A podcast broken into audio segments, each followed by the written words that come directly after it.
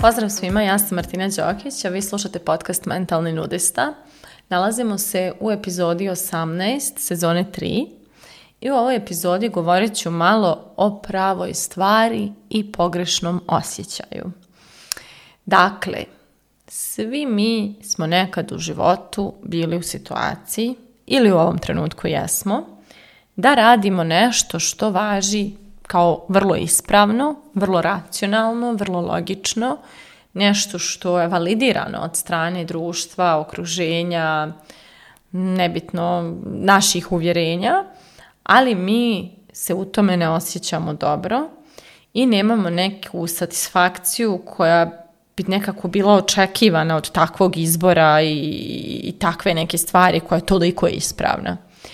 I ovo je nešto što baš mnogo srećem uh, među ljudima sa kojima radim, uh,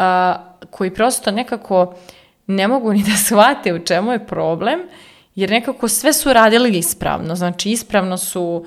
E, ono, završili škole, ispravno su izabrali karijere, ispravno su rasli kroz te svoje karijere, ispravno su, e, ne znam, vodili svoj život, e,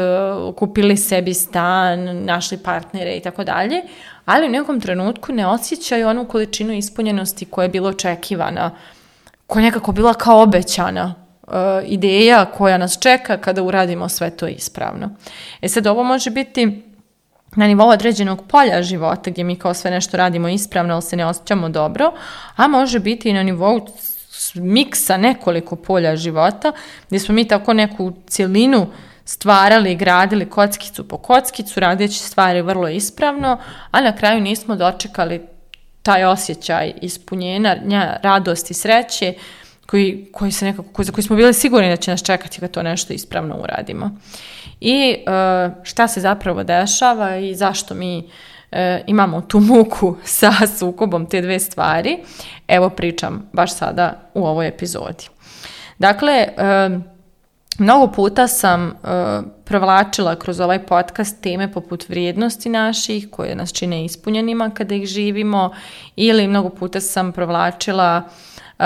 te neke e, ideje šta je zapravo uspjeh i sreća i koliko to nije neka univerzalna stvar, niti je poenta da to bude univerzalna stvar, jer onda bi svijet bio dosadan, jer bismo svi radili isto i svi bismo kao doslovno bili copy-paste i ne bi bilo nikakve ni sreće, ni zanimljivosti, ni raz, raznovrsnosti, ni ničega zanimljivog ne bi bilo na ovom svijetu, nego e, prosto svako od nas ima neku svoju jedinstvenu putanju kroz život, jedinstvenu ideju sreće, uspjeha i zadovoljstva. Samo je pitanje koliko je ko od nas tu svoju, tu svoju autentičnu ideju osjetio, doživio, povezao se s njom i koliko je prosto iz te neke svoje autentične ideje mm, živio i vukao poteze. Ono što je češće jeste da su dosta ljudi negdje E, odvojeni od te svoje istinske ideje uspjeha i od toga šta njih zaista zadovoljava, ispunjava, raduje, čini živima, a mnogo više su nakačeni na te neke univerzalne ideje uspjeha ili, ili sreće i prosto, pošto postoje te neke univerzalne ideje, samim tim e, ljudi vuku poteze slušajući to i očekujući da će to zaista na kraju da donese neku radost i neko ispunjenje. I ono što se desi je da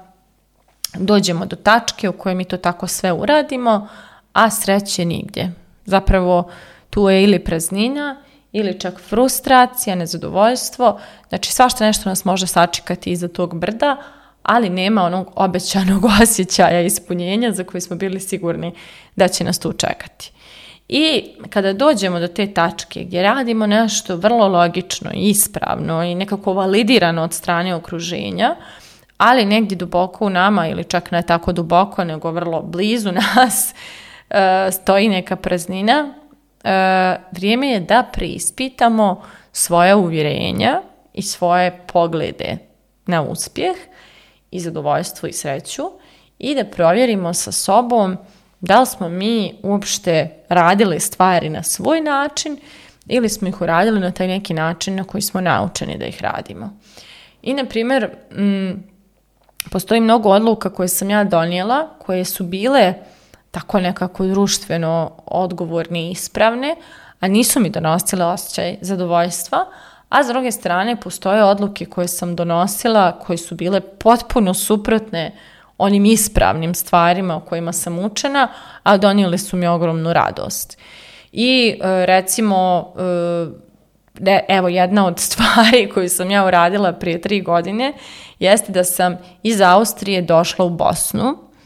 i onako gledano na papiru ili gledano od strane svih ljudi koji odu, ne svih naravno, neću da generalizujem, ali mnogo ljudi, mnogi ljudi koji odu i koji se mnogo iscimaju u inostranstvu, i ono baš mnogo truda i krvi i znoja ulože da bi se tamo snašli, e, nekako izgrade taj stav da povratak tamo odakle smo došli uglavnom predstavlja neki korak unazad i neki osjećaj e, gubitka ili nazadovanja ili poraza ili kako god gledano, ali potpuno nekako to mišljenje znači. E, to mišljenje važi i vrijedi.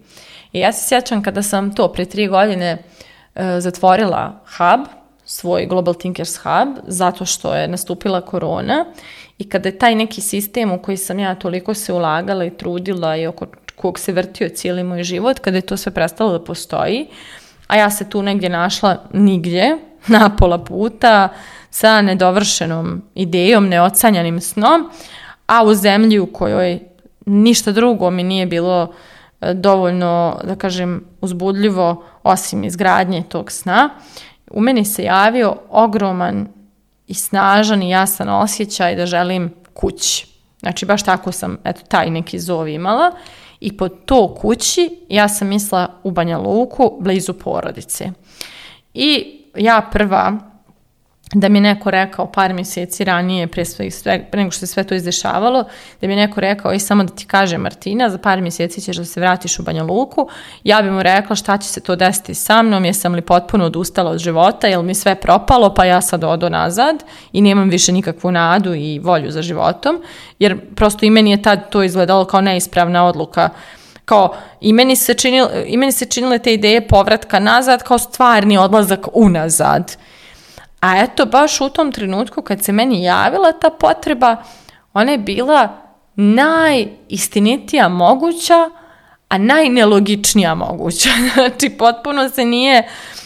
da kažem, uklapala u neke dotadašnje ideje uspjeha, rasta i svega koje sam ja nosila, a u meni se nalazio vrlo jasan osjećaj da je to potis koji želim da povučem. I moj povratak e, e, u Banja Luku je meni donio neke nevjerovatne resurse koji, sam, su mi baš na, život.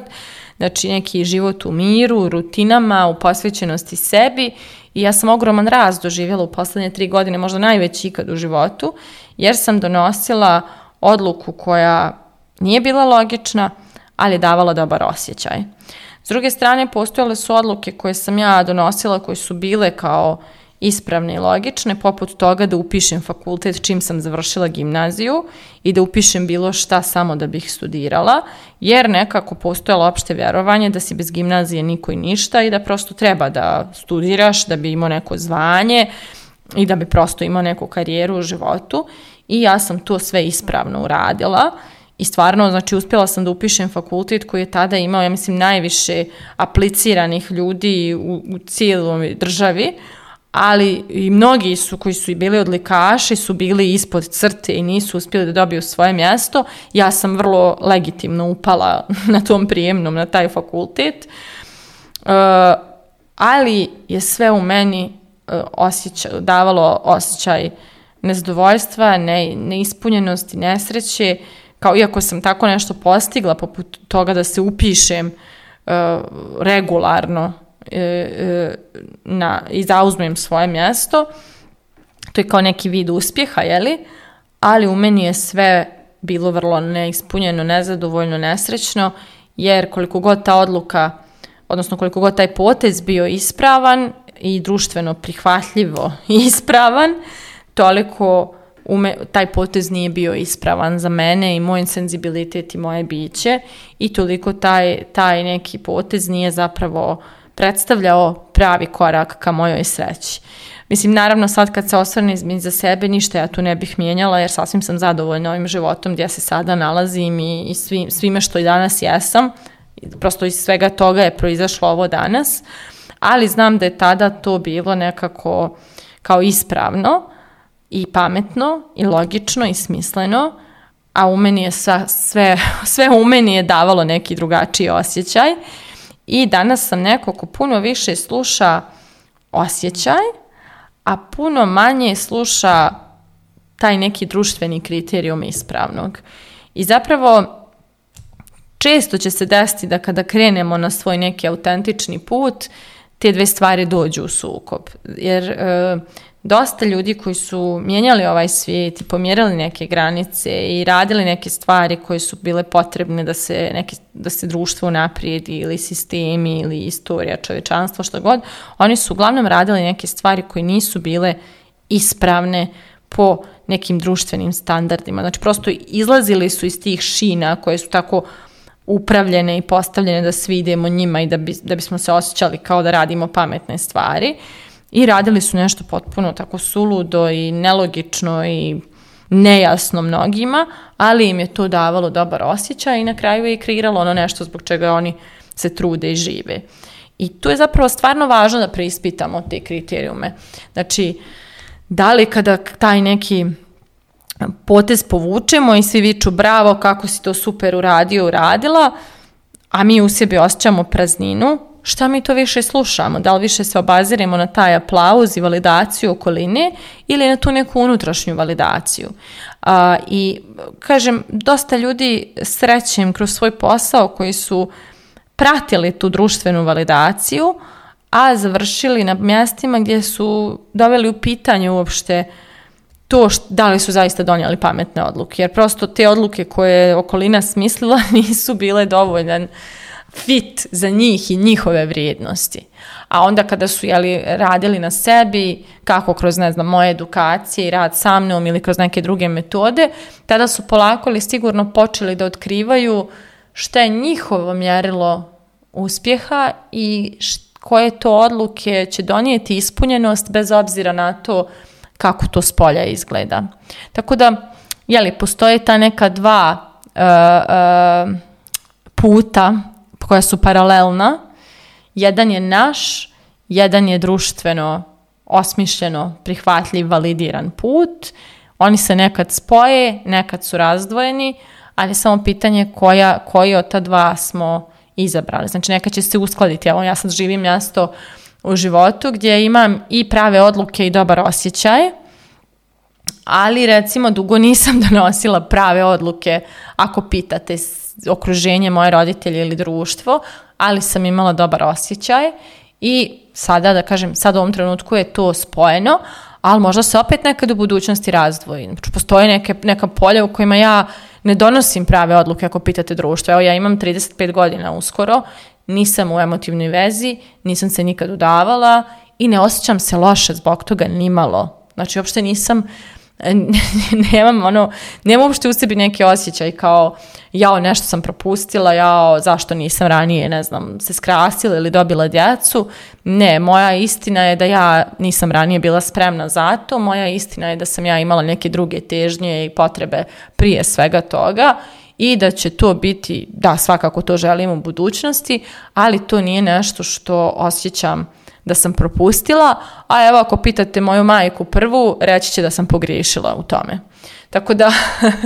ovaj, eto, kažem, postoji dalje polja gdje imam pravi osjećaj, a ne ispravnu odluku,